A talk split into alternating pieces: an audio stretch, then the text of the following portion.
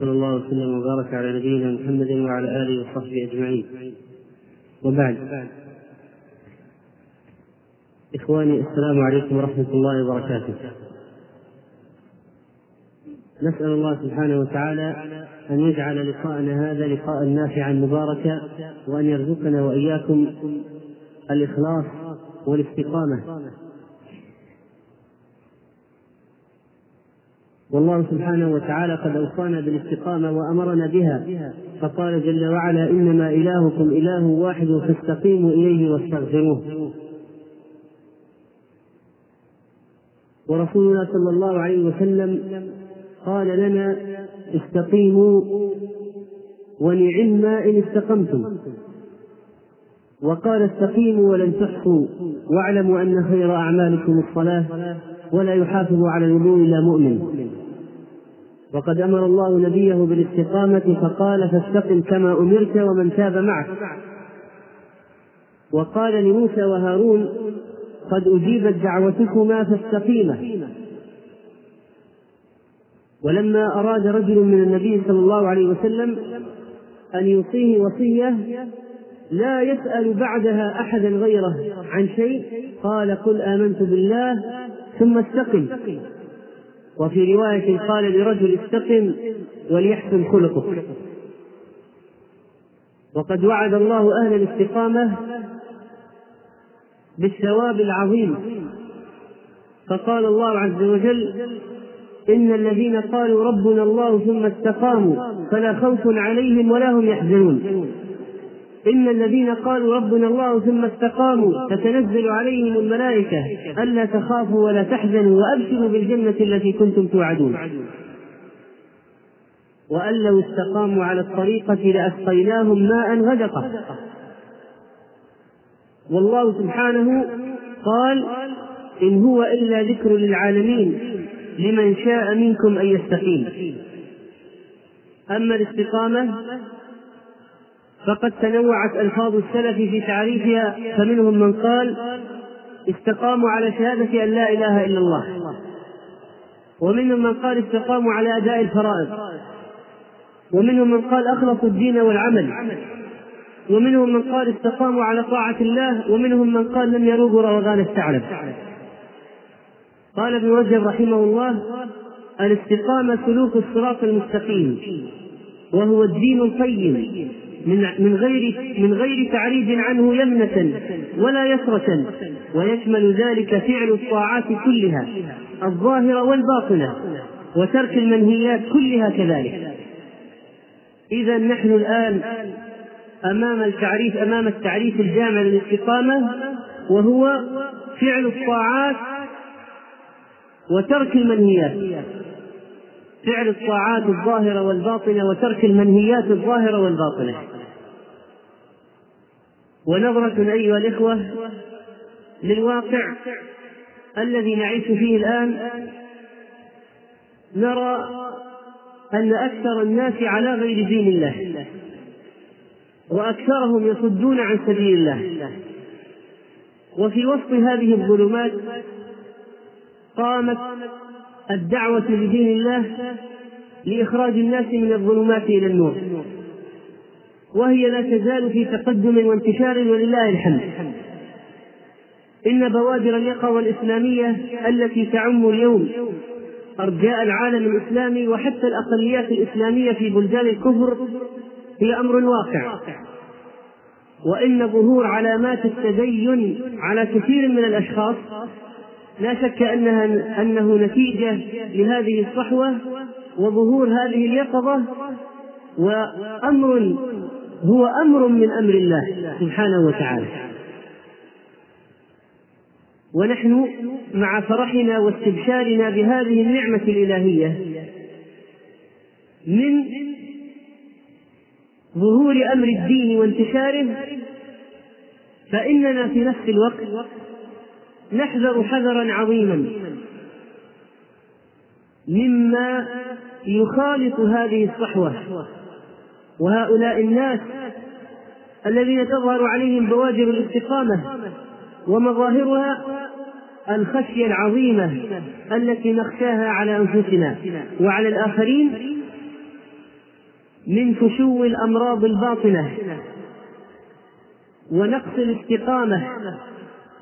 الذي هو عيب أي عيب فإن هناك الكثير ضعف عندهم معيار الالتزام وتقلص المفهوم الحقيقي للتمسك بهذا الدين لقد ظهرت علامات التدين على كثير من الاشخاص تاثرا بالجو العام واذعانا لبعض الفتاوى او حماسا بعد سماع موعظه او محاضره هؤلاء الذين يغشون اليوم التجمعات الإسلامية من هم هؤلاء؟ ما هي صفاتهم؟ ما مقدار تمسكهم بهذا الدين؟ لا بد أن ننقد أنفسنا لنصحح الواقع ولا بد أن نعلم مواطئ أقدامنا ومواقعنا حتى ننظر هل نحن على الصراط المستقيم أم أن أم أنه يوجد عندنا من الانحرافات ما يجب علينا أن نصححه فهذا بيان للحقيقة وتنبيه للغافلين ونصيحة للمقصرين وكلنا مقصرون بيان الاستقامة أمر مهم لأننا لن نسلم إلا إذا جئنا الله بقلب سليم وكذلك فإننا لا نريد أن نكون عقبة في طريق التزام الناس بالإسلام لا نريد أن نكون منفرين عن شرع الله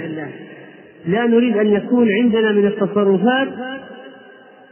ما يكون سدا بين الناس وبين الدخول في هذا الدين والشريعة فكم من الكفر لما رأوا بعض التصرفات من المسلمين من بعض المسلمين عدلوا عن الدخول في دين الله وكم من العامة الذين رأوا تصرفات بعض الذين عندهم شيء من الالتزام الظاهر حملوا على على هذا الدين وعلى هذه الاستقامة وقالوا هؤلاء المتدينون انظروا إليهم ماذا يفعلون انظروا إليهم هل تريدون أن نكون مثل هؤلاء والناس كثير منهم جهلة لا يفرقون بين الإسلام والمسلمين يقولون الإسلام هو هذه التصرفات التي نراها من المسلمين الاستقامة والالتزام والتدين هو هذه المعاملة التي نلقاها من المتدينين الناس عندهم هذا المبدأ وهم لا يغفرون ولا يميزون ليس هم ليتهم يعرفون الرجال بالحق لكنهم مع الأسف يعرفون الحق بالرجال ولذلك فكثيرا ما يكونون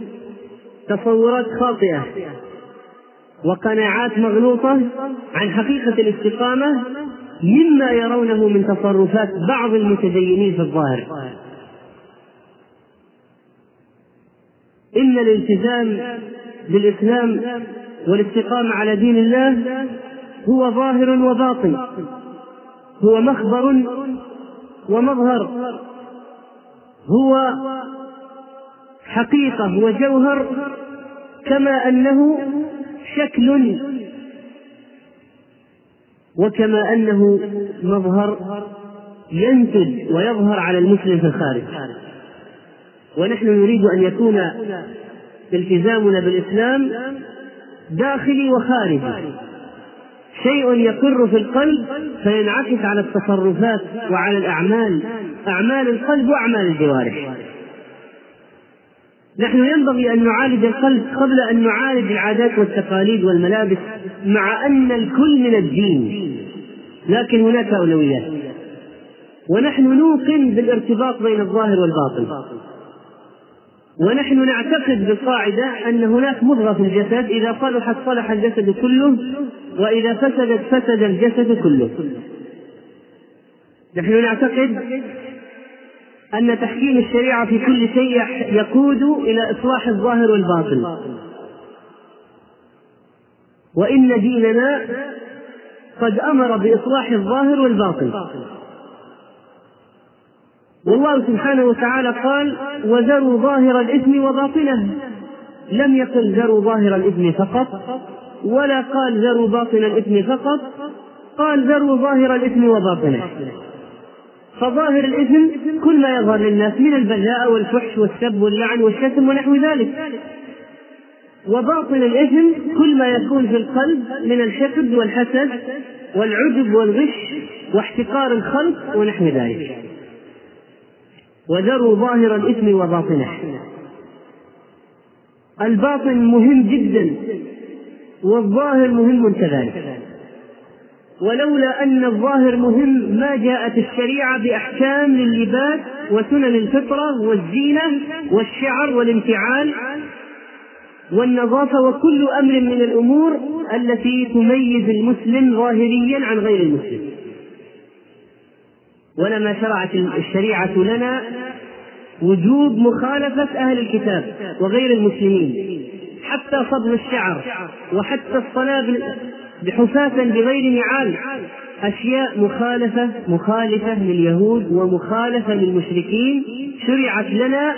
في اللحية والشارب وغير ذلك حتى نهينا عن التشبب بالحيوانات والبهائم والذين يطيلون شواربهم اليوم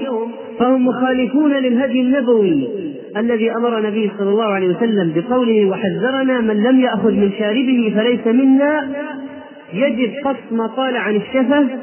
واولئك النسوه الذين اطالوا اظافرهم مثل الوحوش وصبغوها بالمناكير الحمراء وغيرها هؤلاء المتشبهين بالحيوانات والبهائم والوحوش الكافره اللاتي اطلن اظافرهن فهن على استعداد للخمش بها في أقرب مناسبة تقوم فيها القائمة إذا أيها الإخوة الظاهر أمر عظيم وليس هناك شيء في الإسلام اسمه قشور ولب والذين ينادون بالتقسيم الإسلام إلى قشور ولباب أناس ضالون مخطئون الإسلام كل لا يتجزأ الإسلام يؤخذ كله ويطبق كله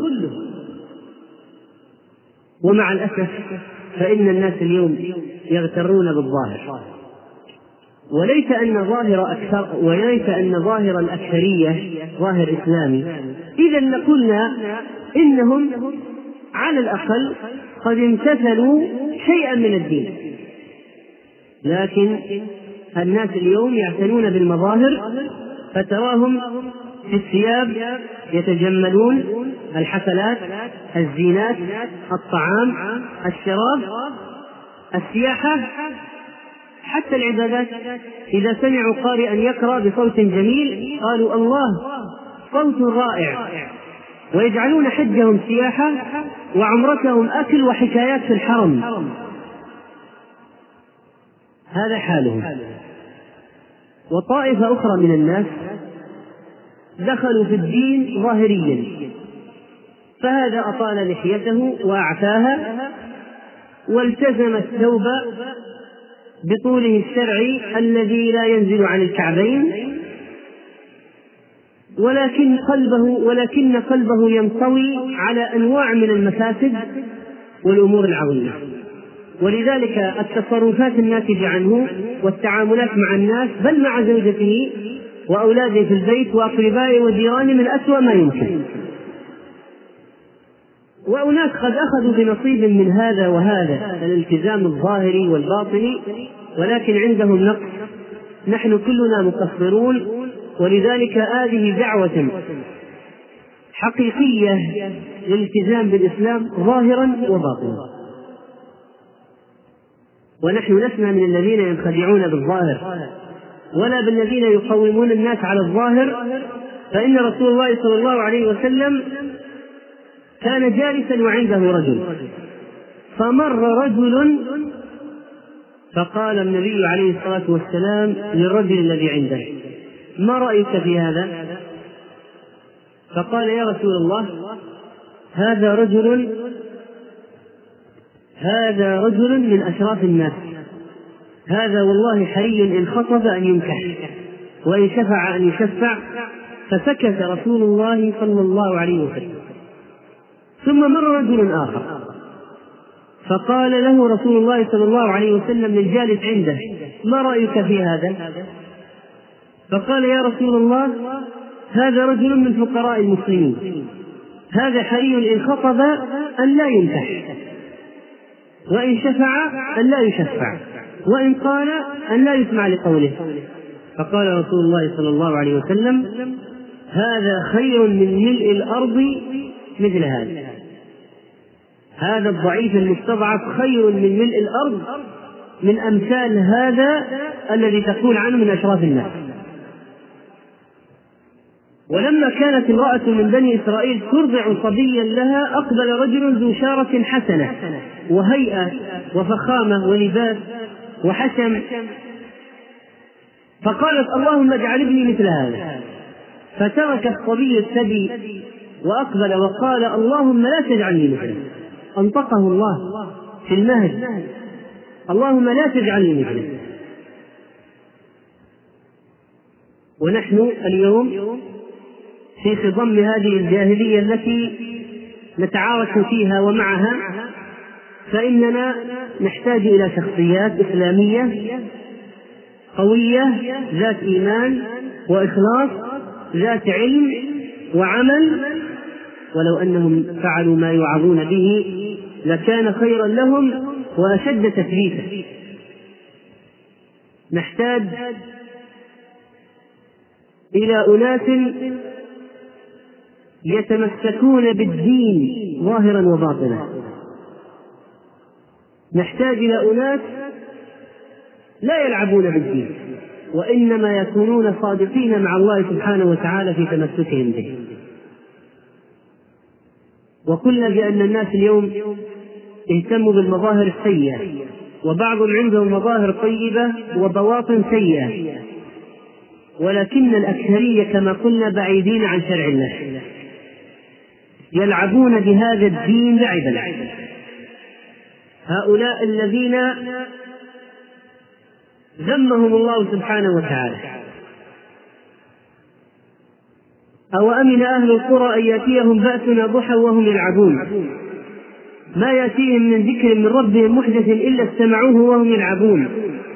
فويل يومئذ للمكذبين الذين هم في خوض يلعبون الله عز وجل قال لا تتخذوا الذين اتخذوا دينكم هزوا ولعبا من الذين اوتوا الكتاب من قبلكم والكفار اولياء واذا ناديتم الى الصلاه اتخذوها هزوا ولعبا وذر الذين اتخذوا دينهم لعبا ولهوا وغرتهم الحياه الدنيا هذه النوعيه هذه النوعيه التي تلعب بالدين ابتداء من العقيده ولا تك مرجيا لعوبا بدينه ألا إنما المرجي بالدين يمزح وقل إنما الإيمان قول ونية وفعل على قول النبي مصرح فهذا الإيمان قول وعمل واعتقاد والذين يقولون الإيمان بالقلب فقط هم أناس يلعبون بالدين ويتخذونه لعبا ولهوا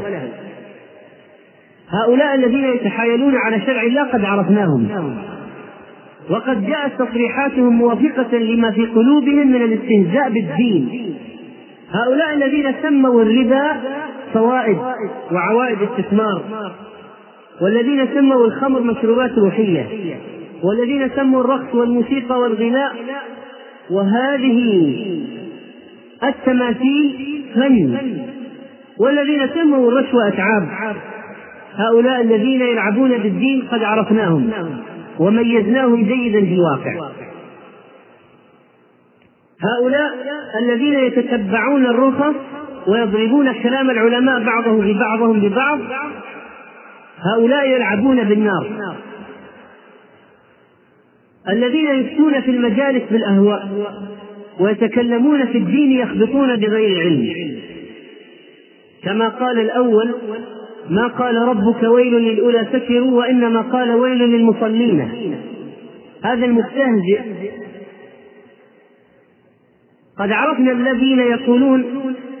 لماذا تأخذ لماذا يأخذ رجل أربع نسوة ولا تأخذ المرأة إلا واحد فلماذا لا تأخذ المرأة أكثر من رجل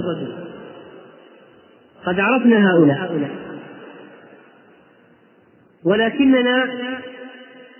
نريد أن نلقي الضوء أيها الإخوة على على عقيدتنا نحن وتصرفاتنا نحن نحن الذين نرى أننا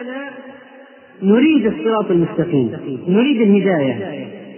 نسعى للتمسك بهذا الدين نريد أن نرى أنفسنا نحن على ضوء الشريعة الشريعة أمرتنا بأي شيء هل امرتنا بجزء من الاسلام او امرتنا بالاسلام كله هل قالت اسلموا في وقت الرخاء ثم تراجعوا في وقت الشده بماذا طالبتنا الشريعه ما هو المنهج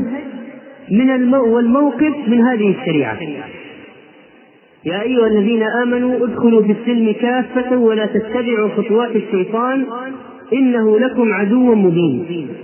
فإن زللتم من بعد ما جاءتكم البينات فاعلموا أن الله عزيز حكيم ادخلوا في السلم كافة كلكم ادخلوا في الإسلام أو ادخلوا أنتم جميعا في شعائر الإسلام كلها لا تتركوا شعيرة إلا وتطبقوها بما تستطيعون لا يكلف الله نفسا إلا وسعها اعملوا بجميع الأعمال ووجوه البر والذين يمسكون بالكتاب وأقاموا الصلاة إنا لا نضيع أجر المصلحين فالله عز وجل قال يمسكون بالكتاب فيها معنى التكرير والتكثير للتمسك هذا الفرق بين يمسكون بالكتاب ويمسكون بالكتاب إنها صيغة القبض على الكتاب بقوة وجد وصرامة هذه الصورة التي يريد الله منا أن نأخذ بها كتابه ونحن نعلم كما علمنا الله ورسوله أن الجد والقوة في أخذ الدين شيء والتعنت والتنطع والغلو والتطرف هو شيء آخر ولذلك نحن نعلم جيدا الذين يوجهون إلينا اتهام التطرف والتنطع بلفظة الأصولية اليوم نعرفهم ونميزهم ونعرف معنى التمسك بالدين على وجهه الصحيح إن الجد والقوة والصرامة لا تنافي اليسر لكنها تنافي التميع إنها لا تنافي سعة الأفق لكنها تنافي الاستهتار لا تنافي مراعاة الواقع لكنها تنافي أن يكون الواقع هو الحكم على الشريعة لأن الدين يقول إن الشريعة هي الحكم على الواقع وليس العكس والله سبحانه وتعالى علمنا ونبهنا إلى أن كتابه الكريم هذا قول فصل وما هو بالهزل بل هو حق وجد ليس فيه سائبة هزل بل كله جد محض هو فاصل هو فاصل بين الحق والباطل قد بلغ الغاية في ذلك ليس بالهزل لم ينزل باللعب يجب أن يكون مهيبا بالصدور خذوا ما اتيناكم بقوه واذكروا ما فيه لعلكم تتقون خذوا ما الزمناكم من الفرائض والشرائع من احكام كتابنا اعملوا باجتهاد في اداء ما افترضنا عليكم من غير تقصير ولا ثوان لا تتخاذلوا ولا تتهاونوا ولا تتراجعوا في الميثاق كما نقض بعض الناس ميثاقهم مع الله وعهدهم مع الله قال الله لنبيه فاستمسك بالذي اوحي اليك انك على صراط مستقيم وانه لذكر لك ولقومك وسوف تسالون تسالون عن هذا المنهج وعن هذا الدين وعن هذه الشريعه اثبت يا محمد صلى الله عليه وسلم على ما انت فيه وسر في هذا الطريق لا تحفل ولا تعبأ بالمنافقين والذين يريدون يريدون ان يصدوك عن سبيل الله فإذا الذين يتنازلون عن شيء من الدين من أجل متاع دنيوي أو فتنة بسيطة تعرضوا لها هؤلاء ما دخلوا الدين أصلا كما ينبغي إن شريعة الله أغلى وأبقى من أن يضحى بجزء منها مقابل متاع دنيوي وقد حذرنا الله تحذيرا شديدا لما قال لنبيه واحذرهم أن يفتنوك عن بعض ما أنزل الله إليك فإذا يجب أن نأخذ الإسلام كله أن نطبق الشريعة كلها والله سمى الذين يتركون شيء من الدين أنهم أصحاب فتنة واحذرهم أن يفتنوك عن بعض ما أنزل الله إليك سماها الله فتنة يجب أن تحذر يجب أن ينتبه لها والإسلام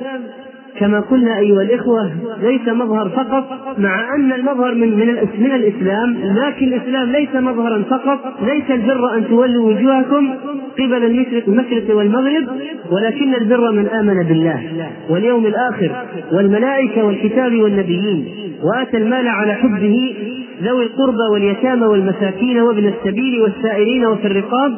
واقام الصلاه وآتى الزكاة والموفون بعهدهم إذا عاهدوا والصابرين في البأساء والضراء وحين البأس أولئك الذين صدقوا وأولئك هم المتقون ليست القضية قضية توجه إلى جهة معينة فقط في الظاهر لكن قضية تقوى في القلب أيضا لن ينال الله لحومها ولا دماؤها ولكن يناله التقوى منكم والذين يظنون أن هناك مسلك وسط بين الشريعة والواقع يمكن أن يجمع بين الشريعة والواقع المنحرف ويأخذ من الشريعة أشياء ومن الواقع أشياء ويظنون أن هذا من الحكمة حذرنا الله منهم فقال الله إن الذين يكفرون بالله ورسله ويريدون أن يفرقوا بين الله ورسله ويقولون نؤمن ببعض ونكفر ببعض ويريدون أن يتخذوا بين ذلك سبيلا أولئك هم الكافرون حقا وأعتدنا للكافرين عذابا مهينا أيها الإخوة نحن نريد أن نعرف جيدا ما مدى التزامنا بهذا الدين وما مدى تمسكنا بهذا الدين وهل نحن صادقون فعلا فيما نزعمه من أننا مستقيمون على الشريعة وأننا متدينون السؤال الكبير هل نحن متدينون حقا السؤال المطروح هل نحن فعلا في انفسنا مستمسكون بالكتاب هل نحن قد اخذنا بقوه كما امرنا الله فقال خذوا ما اتيناكم بقوه واذكروا ما فيه خذوا ما اتيناكم بقوه واسمعوا خذوا ما اتيناكم بقوه كما قال الله آمرا موسى فخذها بقوة وقال عن يحيى يا يحيى خذ الكتاب بقوة أم أننا نحن عندنا تلاعب وعندنا قصور كبير ما مدى حرصنا على الاستقامة هل استقامتنا كاملة أو ناقصة أم أن عندنا نقص في الاستقامة عندنا مرض ومرض نقص الاستقامة أسوأ من مرض نقص المناعة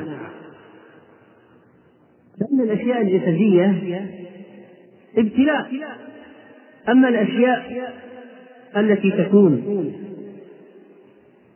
في الدين فإن مصيبة الدين لا تعدلها مصيبة ولذلك إذا ألقينا الضوء الآن على الواقع الموجود وعلى هذه النوعيات الموجودة من الذين يقولون آمنا بأفواههم ولم تؤمن قلوبهم من جهة وقد عرفنا صفاتهم نريد أن نلقي الضوء أيضا على هذه الفئة التي تقول باستقامتها على الشريعة الذي يقول لنفسه قد تدينت التزمت واستقمت نريد أن نناقش أنفسنا ونقدم كشف حساب إن نظرة على الواقع في الواقع وفي النفس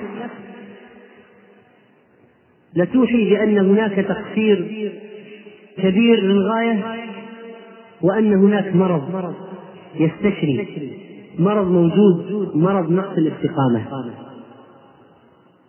مرض نقص الاستقامة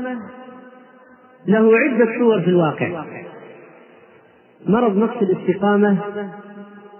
الذي أودى بالإيمان في واد سحيق مرض نقص الاستقامة الذي صور جمال الذي شوه صورة الإسلام وشوه جمال الإسلام في أعين الناظرين إلى بعض الذين يزعمون التدين مرض نقص الاستقامة الذي سبب الانتكاس حقيقة والارتداد على الأعقاب والنكوص على الأدبار مرض نقص الاستقامة الذي أوجد عناصر مشوهة تزعم الانتساب إلى الدين ولا وليس عنده عندها منه إلا إلا النزل اليسير مرض نقص الاستقامة الذي جعل بعض الناس يقولون نحن نلتزم بالإسلام إلى حد معين لا طاقة لنا بأخذ الدين كله الذين يقولون ما عندنا استعداد لتقديم التضحيات أيها الإخوة الذي يمشي معك ثم يقول ليس عندي استعداد لإكمال المشوار أنت تطالبنا بأمور لا طاقة لنا بها والحقيقة أنك تطالبهم بالدين ليس عندنا استعداد للتضحية والتقديم لهذا الدين والعمل لهذا الدين نحن نريد أن نكون طيبين في أنفسنا أن نكون مصلين مزكين صائمين نحج ونعتمر نذكر الله وندعو لكن أن نقدم تضحيات العمل لهذا الدين ما عندنا استعداد أن نأمر بالمعروف وننهى عن المنكر ونجد أذى ما عندنا استعداد لا نتحمل أذى هل هؤلاء فعلا أصحاب تدين حقيقي؟ إذا احتاجت الدعوة إلى الله إلى إنفاق وبذل بذل أموال وبذل أنفس وبذل جهد وبذل الأعمار تراجعوا فقالوا إن أموالنا نحتاج إليها وأوقاتنا نحتاج إليها إننا لا نصبر على الأذى ولا نتحمل ولا نطيق حتى الأذى الكلامي لا يريدون سماعه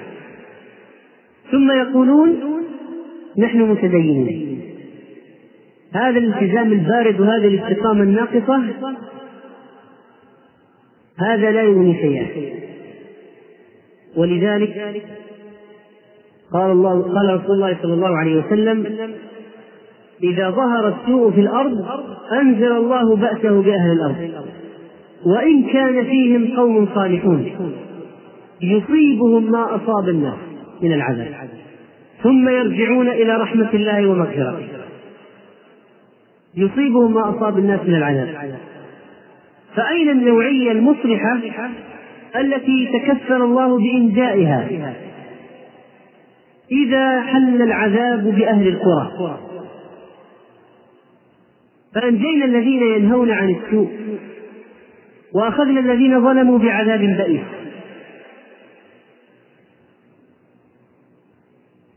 الذين يتحركون بعبادات جسدية ليس فيها إخلاص ولا روح ولا توجه لله بل إن الكثير من أعمالهم يغشاها الرياء والنفاق هؤلاء يجب أن يعودوا إلى الله وأن يتوبوا إليه من هذا الخطر العظيم وهذا السوس الذي نخر عظامهم من الداخل والذي أودى بعبادتهم وقلل أجرها أو أعدمه بالكلية الذين لا يصلون إلا مع الناس ولا يطيلون الصلاة والخشوع إلا أمام الناس الذين لا يتعلمون العلم إلا للمباهاة الذين قال رسول الله صلى الله عليه وسلم في شأنهم من تعلم العلم ليباهي به العلماء أو يماري به السفهاء أو يصرف به وجوه الناس إليه أدخله الله جهنم وفي رواية لا تعلموا العلم لتباه به العلماء أو تمار به السفهاء ولا لتجترئ به المجالس فمن فعل ذلك فالنار النار وقال عليه الصلاة والسلام لا تعلموا العلم لتباه, لتباه به العلماء أو لتمار به السفهاء أو لتصرفوا به وجوه الناس إليكم فمن فعل ذلك فهو في النار الذين يقولون اننا مستعدين للالتزام والاستقامه على الامور التي لا مغالبه للنفس فيها ولا مقاومه نحن نطلق اللحى ونقصر الثياب ولا نشعر ان هناك شهوه نريد ان نقاومها لكن لا تطلب منا غض البصر عن المراه الاجنبيه هذا أمر صعب لا تطلب منا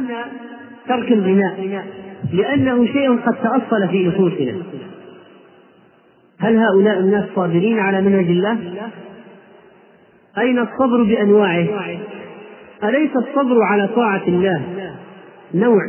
والصبر عن معصية الله نوع آخر والصبر على أقدار الله وقضائه هو أمر ونوع ثالث أم أنهم لا يصبرون عن الأشياء التي فيها شهوات ومقاومة للنفس ويقولون الأمور التي فيها سهولة نعملها من الدين والأمور التي فيها مشقة وصعوبة نحن نتركها هل هؤلاء الناس صادقين في استقامتهم أم أنهم مرضى الذين يفعلون أنواعا من المحرمات وقد فقدوا معيار الحرام بدرجاته فيرون أشياء كبيرة وعظيمة وهم يعملون أكبر منها وأعظم الذين يرون مثلا أن حلق اللحية أمر خطير وهو أمر خطير فعلا ومحرم في الشريعة لكنهم يتساهلون جدا في الغيبة مثلا وهم يعلمون أن الرسول صلى الله عليه وسلم يقول الربا اثنان وسبعون بابا أدناها مثل إتيان الرجل أمة وإن أرض الربا استطالة الرجل في عرض أخيه استطالة الرجل في عرض أخيه أرض الربا فكم من الذين يقعون في الغيبة ويستطيلون في أعراض إخوانهم وهم يزعمون أنهم أهل صلاح وتدين أتدرون ما الغيبة؟ ذكرك أخاك بما يكره إن كان فيه ما تقول فقد ارتبته وإن لم يكن فيه فقد بهته يأكلون لحم إخوانهم كالذي يأكل لحم أخيه ميت وأسوأهم على الاطلاق وقد ظهرت نابتة في عصرنا هذا كما ظهر في عصور الإسلام السابقة الذين يقعون في أعراض الدعاة إلى الله وأهل العلم فيستطيعون فيستطيلون في أعراض الدعاة إلى الله ويتهمونهم بشتى التهم بحجة الإصلاح ويلبسون الغيب لباس النصيحة يلبسون الغيب لباس النصيحة ورسول الله صلى الله عليه وسلم قد أخبر في الحديث القدسي الذي يرويه عن ربي عز وجل من عادى لي وليا فقد آذنته بالحرب فإذا قام يعادي من أولياء الله الذين قاموا لله بالحجة ونصحوا الأمة وحذروا وبينوا يقام عليهم بالتشهير والشتم والتنقص ويترك أعداء الله سالمين هؤلاء المعادين لأولياء الله هل هم مستقيمون على الشريعة فعلا أم أن عندهم مرض داخلي مرض مستشري مثل السرطان يأكل الخلايا من الداخل الذين يتساهلون في النميمة ولا يعدون خطورة النميمة كخطورة أمر آخر مثل الإسبال فيرون الإسبال شيء كبير وهو كبير فعلا عند الله فالله يحرق من الإنسان ما طال الجزء الذي يكون أنزل من كعبه ما تحت الكعبين من الإزار ففي النار هذا الجزء النازل عن الكعبين يحرقه الله بالنار هذا الوعيد والمسبلون تحت المشيئة إذا كانوا من أهل التوحيد لكن النظر الى هذا الامر على انه امر خطير ولكن النميمه ونقل كلام الناس بعضهم الى بعض للافساد بينهم لا يعتبرونه امرا خطيرا فهؤلاء اناس مغفلون عندهم جهل او هوى هوى عظيم أتدرون ما العظم نقل الحديث من بعض الناس إلى بعض ليفسدوا بينهم الذي يزعم أنه متمسك بالشريعة في الظاهر ولكنه مفلس حقيقة أشد الإفلاس كيف يكون مفلسا أتدرون ما المفلس إن المفلس من أمتي من يأتي يوم القيامة بصلاة وصيام وزكاة مصلي مزكي وصائم ويأتي قد شتم هذا وقذف هذا وأكل مال هذا وسفك دم هذا نعم. وضرب هذا فيعطى هذا من حسناته وهذا من حسناته فإن فنيت حسناته قبل أن يقضى ما عليه أخذ من خطاياهم فطرحت عليه ثم طرح في النار إذا هناك أناس يذهبون إلى مكة فيحجون ويعتمرون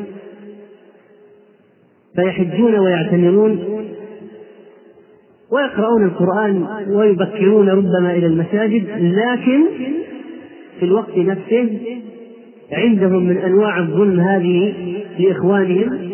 وللمسلمين ولعباد الله عموما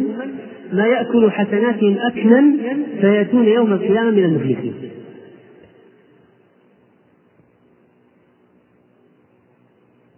هؤلاء الذين يقولون نحن متدينون لكن عندهم من سوء الخلق ما أفسد عليهم تدينهم أخلاق سوقية يتعاملون مع الناس بشراسة وعناد وقبح وفحش عندهم من الكبر في أنفسهم ما هو أكثر من كثير من المعاصي والموبقات والفواحش عندهم عنجهية وعندهم احتقار للخلق هؤلاء وإن كان مظهرهم حسنا لكن الله سبحانه وتعالى سيحاسبهم على هذا السوء في الخلق وإن سوء الخلق ليفسد العمل كما يفسد الخل العسل هؤلاء الذين يعاملون آباءهم وأمهاتهم بفظاظة وغلاظة ويعاملون زوجاتهم أسوأ المعاملة ويظلمون أولادهم كيف يكون هؤلاء متدينون مستقيمون فعلا وهم بهذه الطريقة وقد قلنا إن الناس والسفهاء من الناس إذا رأوا هؤلاء يقولون هذا هو التدين المطلوب الذي تقولون لنا عنه وتأمروننا به فيكون هذا سيء الخلق من الذين يصدون عن سبيل الله الذي يزعم انه مستقيم على الشريعه ولكنه ظالم ظالم للناس للعمال للخدم للمراجعين للزملاء ظالم اتقوا دعوة المظلوم فإنها تحمل على الغمام يقول الله وعزتي وجلالي لأنصرنك ولو بعد حين اتقوا دعوة المظلوم فإنها تصعد إلى السماء كأنها شرارة اتقوا دعوة المظلوم وإن كان كافرا فإنه ليس دون حجاب فلنتقي أيها الإخوة إذا أكل الحقوق وظلم الناس الذي يقول أن عنده تدين واستقامة لكنه إذا حدث كذب وإذا وعد أخلف والذين يكذبون في الحديث كثر جدا وبعضهم مع الأسف قد يكون عندهم من لبوس التدين ما عندهم لكنه يكذب في الحديث بل قد يكذب على النبي صلى الله عليه وسلم ويكذب على العلماء وقد علمنا ان من هؤلاء من يجلس في المجالس ويقول هذا الحديث صحيح اخرجه فلان وفلان وفلان وقال فيه فلان كذا وهو كذاب ما في كلامه حرف واحد صحيح أو الذين يجترئون على العلماء في المجالس ويقولون الشيخ الفلاني أفتى بكذا وقال إنها حلال والشيخ الفلاني حرمها وقال إنها حرام وهو كذاب لا سمع الفتوى من الشيخ ولا تثبت منها ولا عنده طريق صحيح إلى العالم ومع ذلك ينقل على لسان الشيخ ما ينقل الذين يكذبون في الفتوى ويكذبون على الله وعلى رسوله صلى الله عليه وسلم وينسبون الأحاديث إلى النبي عليه الصلاة والسلام وهم لا ليسوا متأكدين من صحتها هل هؤلاء هؤلاء فعلا مستقيمين على الشريعة أم أن عندهم مرض خطير مرض نقص الاستقامة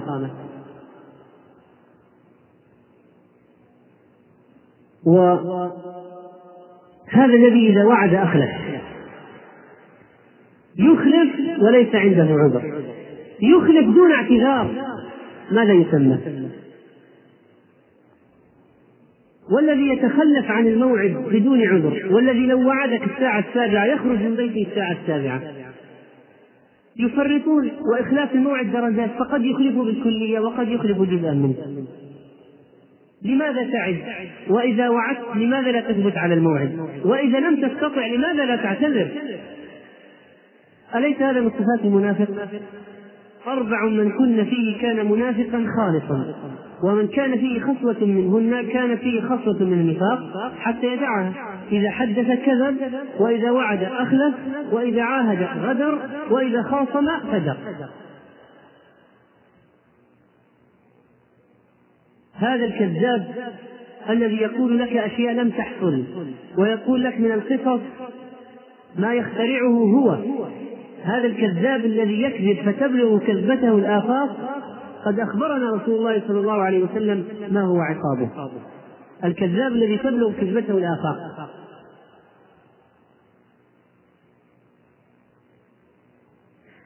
وقد قال عليه الصلاة والسلام إذا اقترب الزمان لم تكد رؤيا الرجل المسلم تكذب وأصدقهم رؤيا أصدقهم حديثا فجعل صدق الحديث من أسباب صدق الرؤيا وانطباق الرؤيا في الواقع حتى يرى الرؤيا فتكون تنبيها له وتعريفا له بأمر سيحدث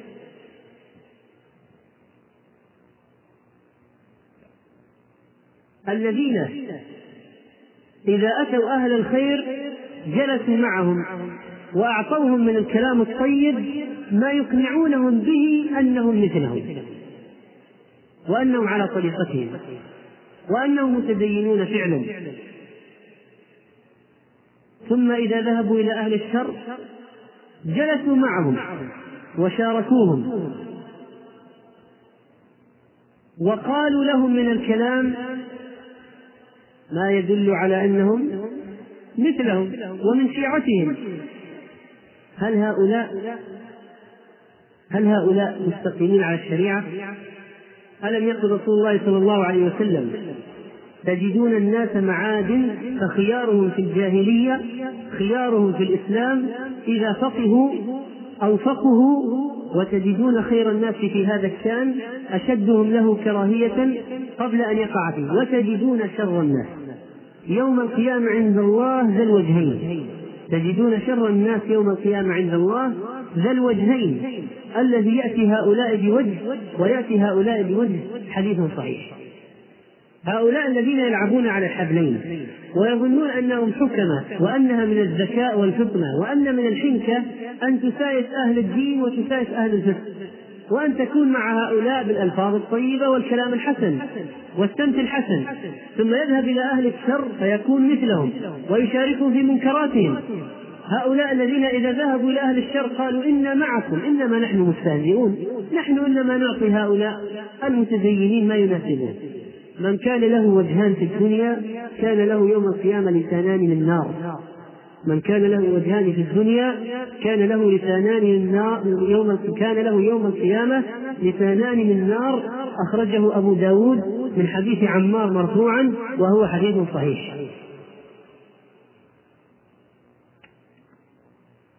الذين عندهم من سوء التعامل من سوء التعامل أنهم إذا حدث بينه وبين أخيه خصومة هجر في الخصومة ثم هجر أخاه المسلم هجرا تاما لا يسلم عليه إذا لقيه ولا يجلس معه في مجلس ولا يزوره ولا يرد سلامه مع أنه مسلم مثله لو ترك السلام عليه لأنه صاحب بدعة لقلنا أحسنت لو ترك السلام عليه لأنه صاحب منكر ظاهر قلنا له في الله هجرت هجرت في الله أحسنت لكن لخصومة وكثير من خصوماتهم دنيوية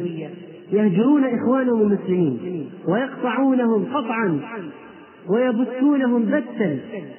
هل هؤلاء من المستقيمين على شرع الله أم أن عندهم مرض في الاستقامة مرض نقص الاستقامة لا يحل لمسلم أن يهجر أخاه فوق ثلاث فمن هجر فوق ثلاث فمات دخل النار فمن هجر فوق ثلاث فمات دخل النار أخرجه أبو داود عن أبي هريرة مرفوعا وهو حديث صحيح وفي حديث صحيح آخر هجر المسلم أخاه كسفك دمه وقال صلى الله عليه وسلم من هجر أخاه سنة فهو كسفك دمه تعرض أعمال الناس في كل جمعة مرتين يوم الاثنين ويوم الخميس فيغفر لكل عبد مؤمن إلا عبدا بينه وبين أخيه شحناء فيقال اتركوا هذين حتى يصطلحا اتركوا هذين حتى يفيئا رواه مسلم وقال صلى الله عليه وسلم تفتح ابواب الجنه يوم الاثنين ويوم الخميس فيغفر فيهما لكل عبد لا يشرك بالله شيئا الا رجلا كانت بينه وبين اخيه شحناء فيقال انظروا هذين حتى يصطلحا رواه مسلم فاذا الذين يقطعون حبال الوصل مع إخواني في الله إخواني المسلمين هجر وقطيعة هل هؤلاء من المستقيمين على شرع الله فعلا وبالمناسبة نقول إنه لو انقطعت أخبار أخيك عنك لا لا لشحناء ولا لبغضاء وانقطعت صلتك به الانشغالات وليس لعداوة فإنك لا تكون هاجرا له لكن تحرص على وصف أخيك المسلم لكن العداوة تقطعه ليست في الله العداوة ليست في الله للدنيا تقطع أخاك المسلم وتهجر سنين ولا تسلم عليه وهذا متفشي وكثير دقق في أحوال الناس واستمع للأخبار تجد ذلك عيانا بيانا الذين عندهم من الكبر ما يجد من الغضاضة لو طبقت السنة في المجلس من التيامن ونحوه الذين يحرصون على صدور المجالس ولا يجلس حيث انتهى به المجلس الذين يرتكبون امرا حذر منه النبي صلى الله عليه وسلم في حديث صحيح بقوله اتقوا هذه المذابح يعني المحاريب صدور المجالس تواضعوا لله يعني تواضعوا لله تواضعوا لله اجلس حيث ينتهي المجلس هذا الذي مهما كانت هيئته ومظهره الذي يجد في نفسه حنقا لو انه لم يقم له من صدر المجلس ليجلس فأين يكون موقعه في الاستقامة؟ في الاستقامة؟ الذين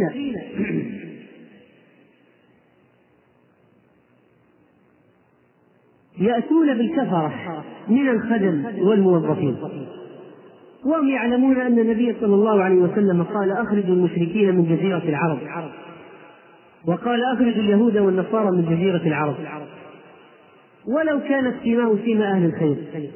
لكنه يرتكب منكر ومعصية الذين يظلمون الخدم في البيوت بالضرب والإهانات والخصم الذي هو ظلم للخادم وهذا موجود موجود كيف به وهو يسمع حديث النبي صلى الله عليه وسلم إذا أتى أحدكم خادمه إذا أتى أحدكم خادمه بطعامه قد كفاه علاجه ودخانه فليجلسه معه فإن لم يجلسه معه فليناوله أكلة أو أكلتين هذا طبعا في غير النساء مع الرجال فإن المرأة لا تجلس مع الرجل الأجنبي الذين عندهم من الكبر ما يظنون أن نوعا معينا خاصا من الدماء يجري في عروقهم وأنهم من نسل غير نسل آدم وأنهم من طبقة من البشر ليست كباقي طبقات الناس الذين لو جاءهم خاطب يخطب منهم احتقروه وقالوا كيف تتجرأ أصلا أن تطرق بابنا وأنت تعلم أننا أصحاب حسب ونسب وشرف وأنت حقير هؤلاء ما هو موقع من الاستقامة مهما كانت أشكالهم وصورهم والنبي صلى الله عليه وسلم يقول إذا أتاكم من ترضون خلقه ودينه فزوجوه إلا تفعلوا تكن فتنة في الأرض وفساد عريض تخشى مفاسد تخشى قطيعة داخل العائلة إذا اعتذر اعتذر بأدب أما أن يفتقر خلق الله لماذا يتقدم أصلا للبيت لبيتك للزواج لأنك ترى في نفسك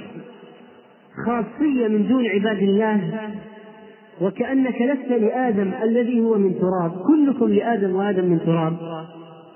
فهؤلاء النوعية من البشر أين موقعهم من الاستقامة؟ الذين يشتكي منهم جيرانهم من انواع الاذى التي يعاملونهم بها ويؤذونهم بها هل هؤلاء مؤمنون حقا والنبي عليه الصلاه والسلام يقول والله لا يؤمن والله لا يؤمن والله لا يؤمن من لا يامن جاره بوائقه وقال عليه الصلاه والسلام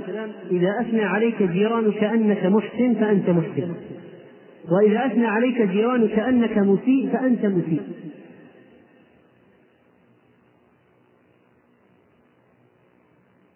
والذين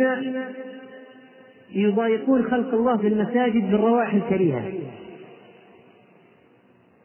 من روائح البصل والثوم ونحوه أو يتنخم في المسجد نخامة تصيب بدن أخيه أو ثوب أخيه كيف هو؟ وقد قال صلى الله عليه وسلم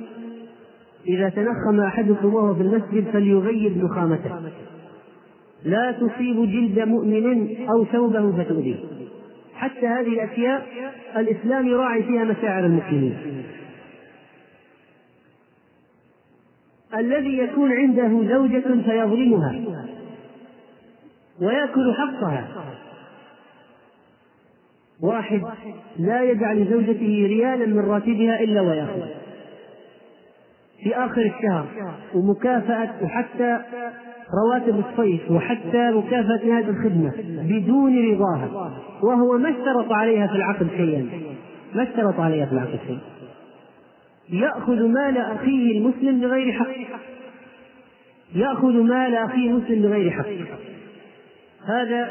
كيف يكون حاله؟ هؤلاء الذين يظهرون بالبشاشة في وجوه إخوانهم ثم يكونون من أسوأ خلق الله في التعامل مع زوجاتهم الذي يكون عنده أكثر من زوجة وهو يهمل إحداهما ويغيب عنها ويتركها ولا ينفق عليها يقول أنت موظفة أنفقي على نفسك كأن الشريعة قالت إذا كانت الزوجة موظفة فالنفقة عليها والشريعة ما قالت هذا وربما أدخل هذه أولاد هذه في مدارس خاصة وترك أولاد تلك ونحو ذلك تفريق بدون سبب شرعي بدون سبب شرعي إذا كانت عند رجل امرأة فلم يعدل بينهما جاء يوم القيامة وشقه ساقط شقه مائل يأتي يوم القيامة شقه مائل جزاء وفاقا بظلمه لزوجته وكذلك الزوجة التي تظلم زوجها فلا فترفض خدمته وتتعالى عليه أو تقول راتبي أكثر من راتبك وشهادتي أعلى من شهادتك وتطلب الطلاق منه من غير ما بات فحرام عليها رائحة الجنة ومهما كان حجابها وشكلها فإن استقامتها ليست ليست بكاملة الذين يستأجرون الأجراء ويماطلونهم ولا يعطونهم حقوقهم ويخصمون عليهم من أنو... من الرواتب والمستحقات والبدلات ويقف في طريقه إذا أراد أن يعف نفسه أعطوا الأجير أجرا قبل أن يجف عرفه الذين يستلفون الأموال ويستدينون وهم يعلمون أنهم لن يؤدوا هذه الأموال ويتساهلون في الاستدانة مهما كانت أشكالهم وصورهم ومظاهرهم كيف يكون حالهم ورسول الله صلى الله عليه وسلم يقول من أخذ أموال الناس يريد أداءها أدى الله عنه ومن أخذها يريد إتلافها أتلفه الله وقال صلى الله عليه وسلم سبحان الله ماذا أنزل من التشديد في الدين سبحان الله ماذا أنزل من التشديد في الدين والذي نفسي بيده لو أن رجلا قتل في سبيل الله ثم أحيي ثم قتل ثم أحيي ثم قتل وعليه دين ما دخل الجنة حتى يقضى عنه دينه وبعض الناس الان يتساهلون ويختلفون وهو يعلم انه لن يرد ويماطل وعنده مال ويماطل ويقول لا اريد ان ينزل مدخراتي تنزل عن مستوى كذا اذا ارتفعت فوق فوق كذا رددت اليك مالك هؤلاء المماطلين ليعلموا ان استقامتهم ناقصه مهما كان مظهرهم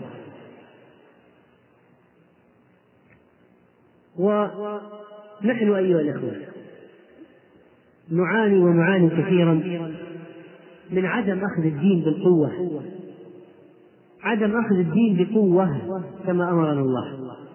نعاني من تسيبات حتى على مستوى الصحوة توجد أنواع من الغثائية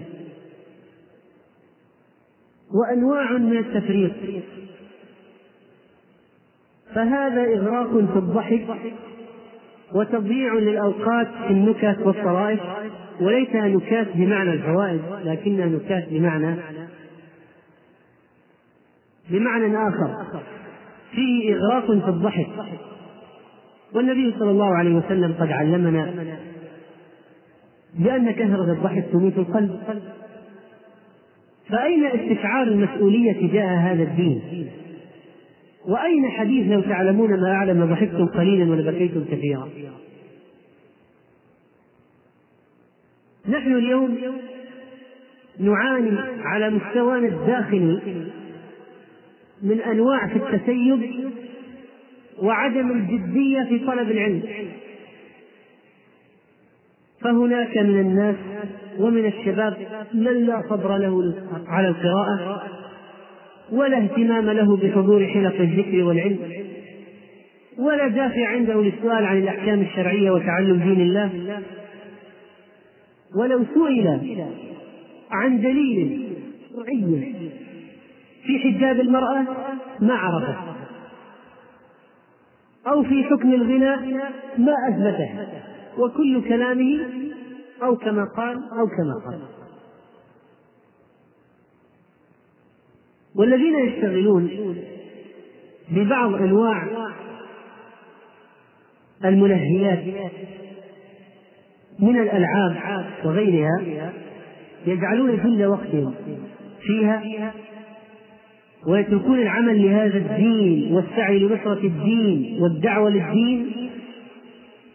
فهؤلاء فقههم في دين الله ضعيف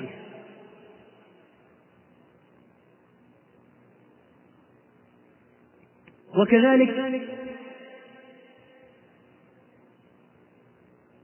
فإن واقع المجالس اليوم التي نجلس فيها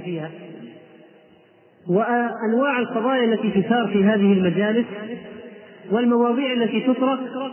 تحتاج إلى مراجعة كبيرة ليس هم يتناقشون في مسائل من العلم أو يعرضون شيئا من أحوال المسلمين أو يفكرون في الحلول في حلول مشكلات المجتمع أو يتداولون الخبرات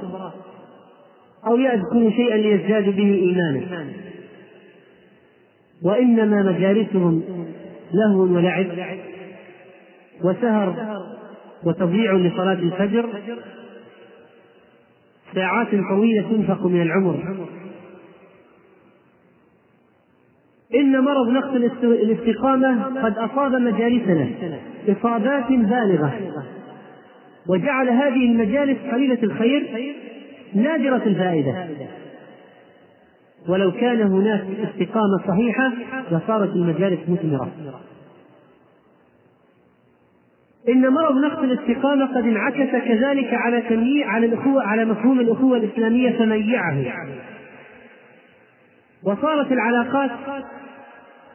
كثيرا ما تكون استئناسات وترويحات وتبادل للألفاظ العاطفية وخلطة زائدة وأضرار سلبية وانخفاض إيماني وتعلق بغير الله ووصول إلى دركات العشق ونحو ذلك وإعراض عن الجلوس مع من يستفيد منهم ومع من يكون عندهم تدين صحيح وعلم نافع وإنما التقوقع على فلان واحد أو أكثر أو اثنين وترك البقية والحرمان حرمان النفس من فوائد الجنة وإنما هي شجون وعواطف تنطلق بلا حساب إن مرض نقص الاستقامة قد أدى إلى حصول تهاون بالسنن تهاون بالسنن والمستحبات وهناك كتمان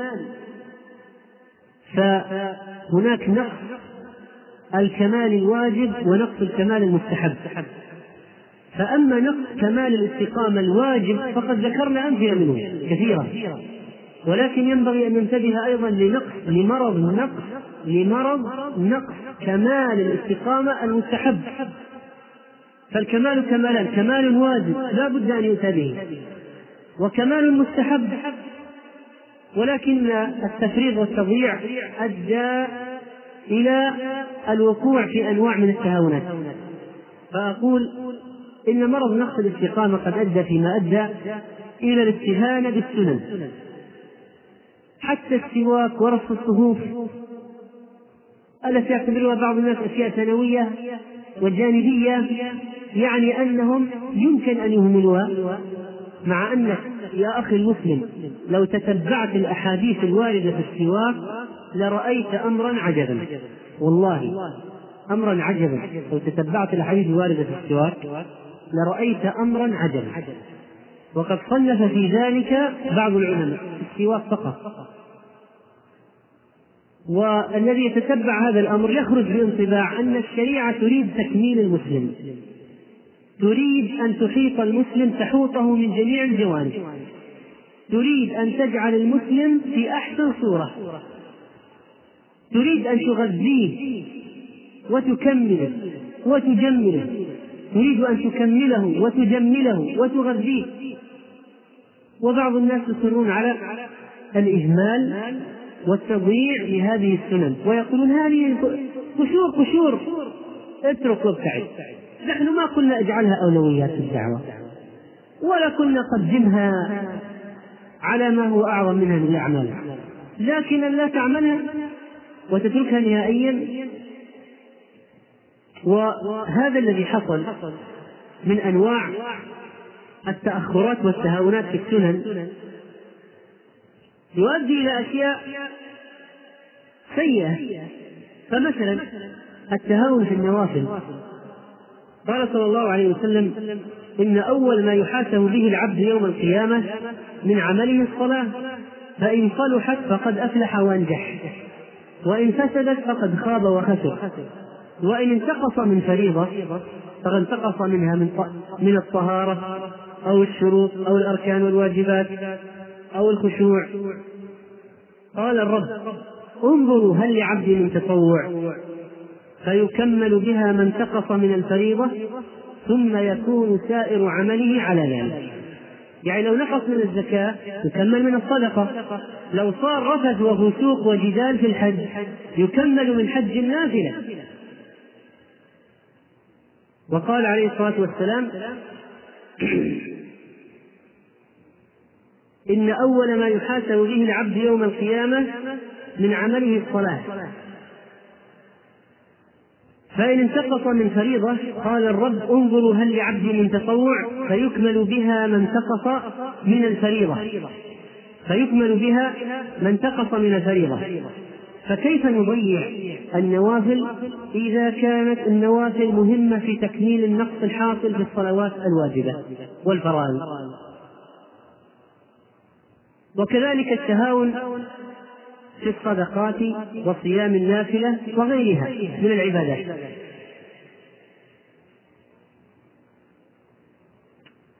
ومن الأشياء أيضا التي تحدث في هذا الجانب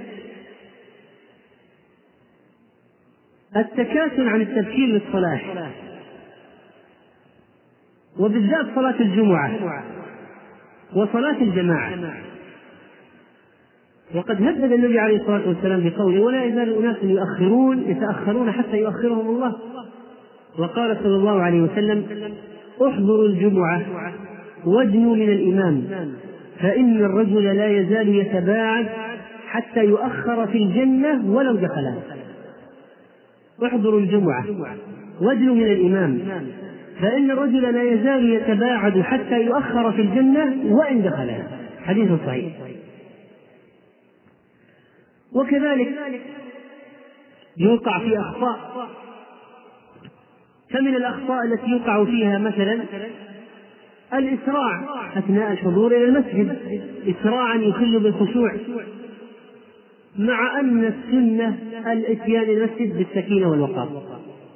إذا ثوب للصلاة فلا تأتوها وأنتم تسعون وأتوها وعليكم السكينة فما أدركتم فصلوا وما فاتكم فأتموا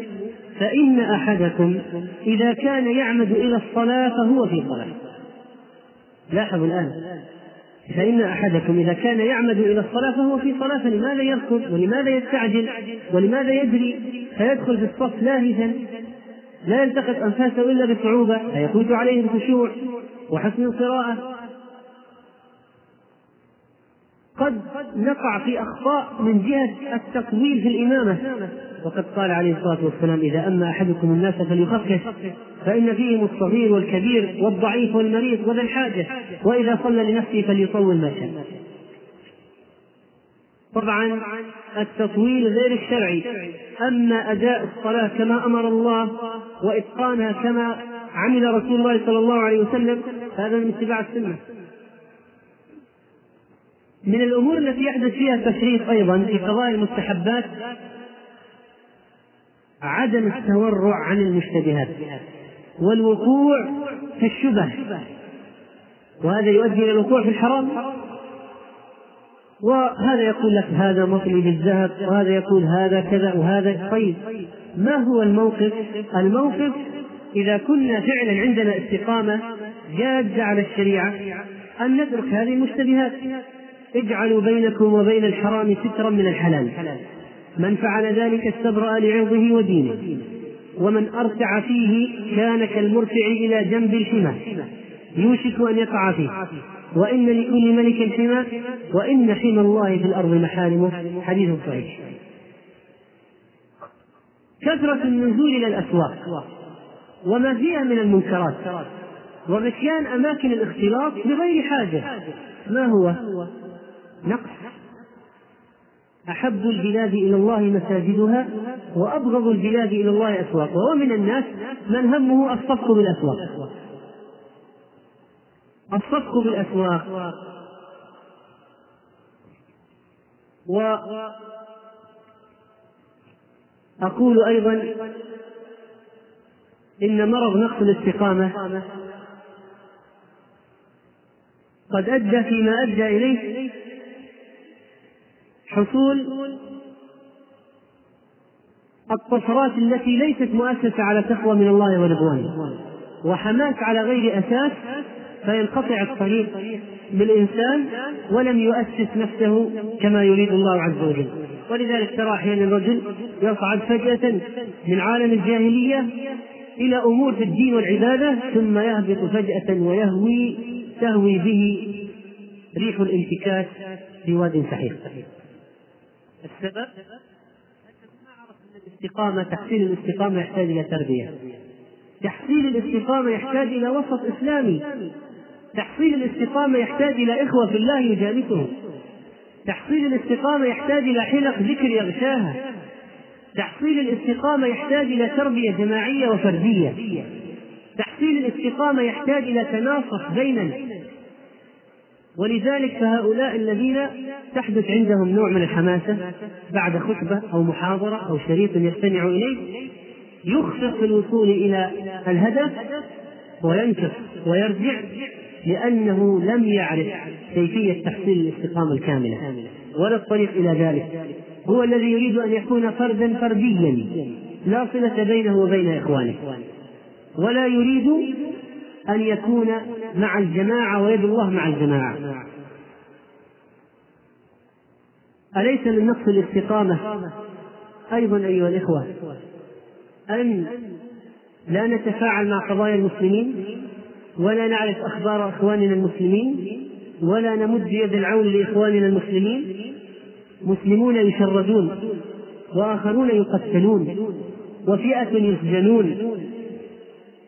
وغيرهم يعذبون ونحن حتى الدعاء بخلنا به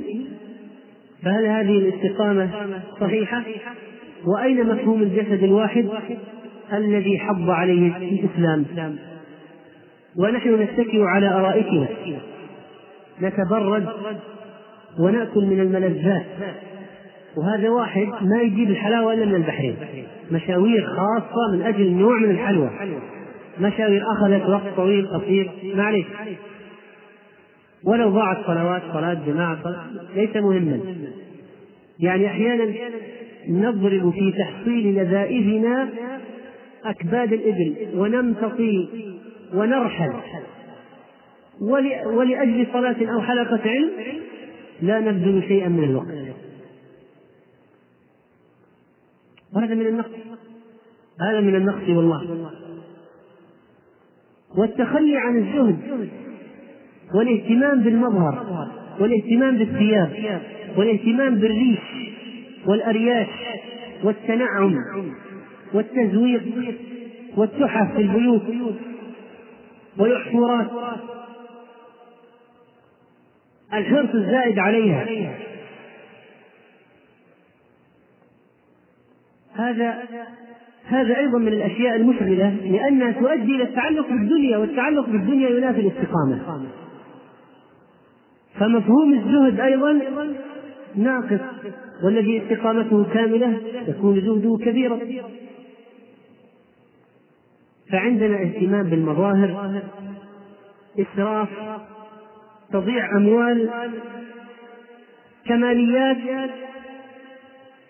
هذا يقول أشتري قارب بثلاثين ألف ليه؟ قال يعني تمشي إذا صار تمشي أتمشى يعني فكر مرة أخرى وراجع نفسك هل القرار هذا صحيح؟ أليس هناك مجالات أحسن وأفضل وأكثر أجرا لتضع فيها هذه الأموال؟ فإذا هناك قضايا أيها الإخوة كثيرة تحصل ولكن محاسبة النفس ضعيفة ولأجل ذلك فإن فإنه يخترقنا كثير من سهام الشيطان من نقص الاستقامة أن يوجد عند الإنسان رواسب من الجاهلية لا يسعى لتخليص نفسه منها ولذلك فهو فانحرافه من اسهل ما يكون فقد يكون له علاقات محرمه لا يقطعها وصور موجوده لا يتلفها وافلام سيئه لا يتخلص منها وارقام هواتف لا زال يحتفظ بها لماذا هذا مرض هذا من نقص الاستقامه ان يكون موجودا ولو أنه جلس في مجلس فظهرت على الشاشة مباراة في كرة القدم لانخرط في التشجيع وانهمك به واتخذ جانب معين وصارت القضية قضية مهمة عنده هذا من نقص استقامته وأقرب نوعية إلى الانتكاس هذه النوعية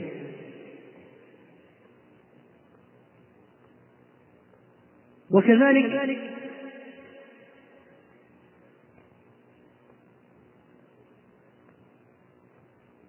عدم الاهتمام بالبيوت واصلاح البيوت ويكون الانسان هذا المستقيم الذي يدعو الاستقامة معطل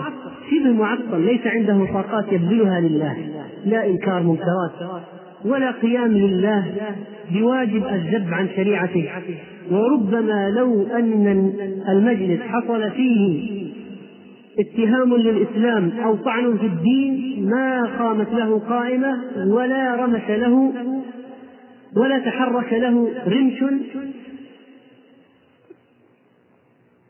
ولا اختلج فيه عرق لأنه لأن عنده من الخذلان والعياذ بالله ما يمنعه عن الدفاع عن بيضة الدين وحفظ هذه الشريعة وكذلك فإن من أنواع التفريط الحاصل والأمور الناتجة عن مرض نقص الاستقامة ما نؤكد عليه أيضا ونعيد الكلام فيه ونقول أن تمر بالمنكر فلا تنكره لماذا؟ أتخشى الناس فالله أحق أن تخشاه فلا تخافوهم وخافوني إن كنتم مؤمنين أين إنكار المنكر ولو بالكلام ما تستطيع باليد بالكلام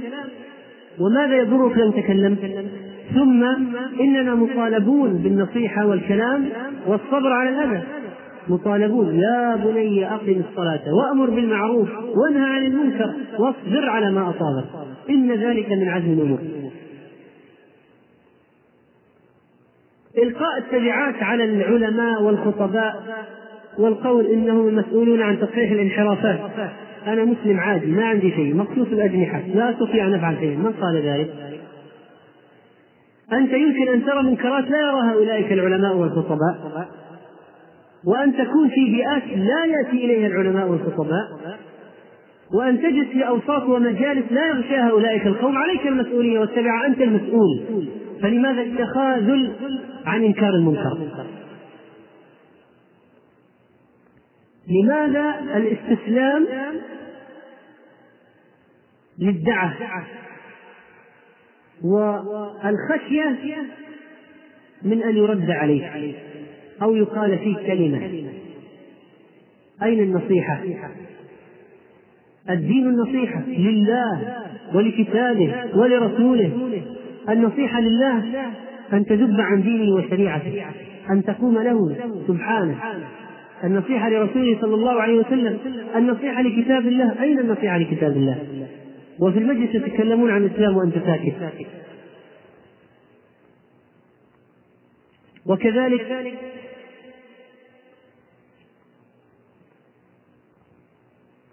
نحن نعاني أيضا من ضياع الأوقات في الأسفار التي لا طائل من ورائها وحركات الاصطياف التي يعملها كثير من الناس لا مصلحة شرعية فيها بل فيها كثير من المضرة وإنفاق الأموال الكبيرة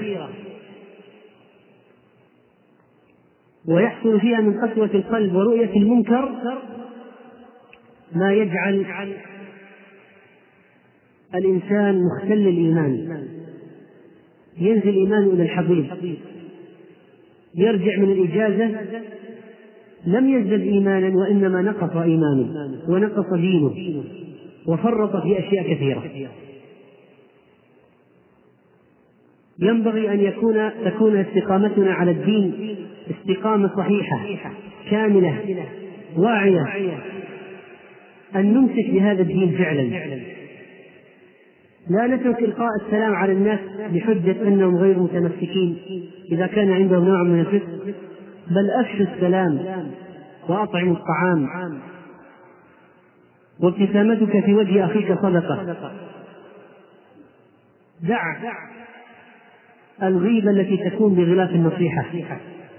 ودع التظاهر بالانشغال وليس عندك شيء لتبدي نفسك شخصا مهما واترك الضعف والوهن ودافع عن عرض اخيك المسلم اليس من من السوء كل السوء ان كافرا مثلا يستهزئ بمسلم وتضحك انت مشاركه لهذا الكافر اليس من خلف الاستقامه ان يكون عندنا سرعه في الحكم على الاخرين وانطلاق من الهوى والعاطفة أليس بخلاف من خلاف الاستقامة أن نحكم على النيات بالفساد ولا يعلم النيات إلا الله ولن يظهر لنا من الرجل شيء وينبغي أن نحمل أمر أخانا أمر أخينا المسلم على أحسنه أليس مما ينافي الاستقامة إهدار الأموال العامة من من المياه والكهرباء وغيرها ولو كنت انت لا تدفع الفواتير اليست هذه في الاصل ملك لبيت مال المسلمين في الاصل وان فرط فيها من فرط وضيع فيها من ضيع فهل انت تشارك المفرطين والمضيعين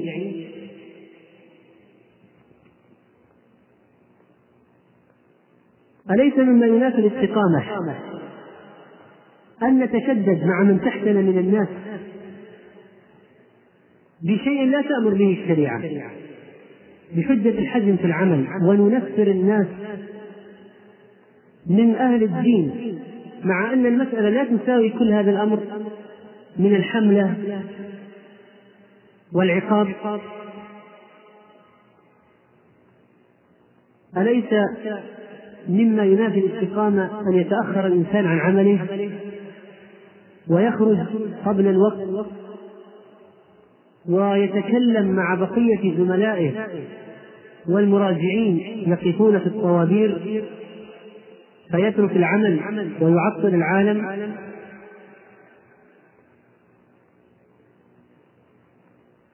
وأقول أيها الإخوة إن الكلام في هذا الموضوع يطول ويطول ومظاهر المظاهر المخالفة للاستقامة سواء كانت مخالفة لكمالها الواجب أو لكمالها المستحب كثيرة وأعود أقول نحن نحتاج أن نحاسب أنفسنا وأن ننظر في أمرنا ونسأل الله سبحانه وتعالى السداد أيها الإخوة إن العمر قصير وإننا مقبلون على يوم لا بد منه واتقوا يوما ترجعون فيه الى الله ثم توفى كل نفس ما كسبت وهم لا يظلمون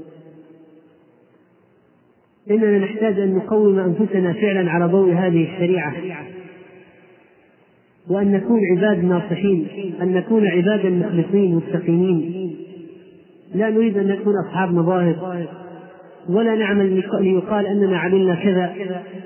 وانما نربي انفسنا ونستقيم على الدين وعلى الشريعه ينبغي ان نكون دعاه بافعالنا قبل ان نكون دعاه باقوالنا لا بد ان تزول هذه الغثائيه الموجوده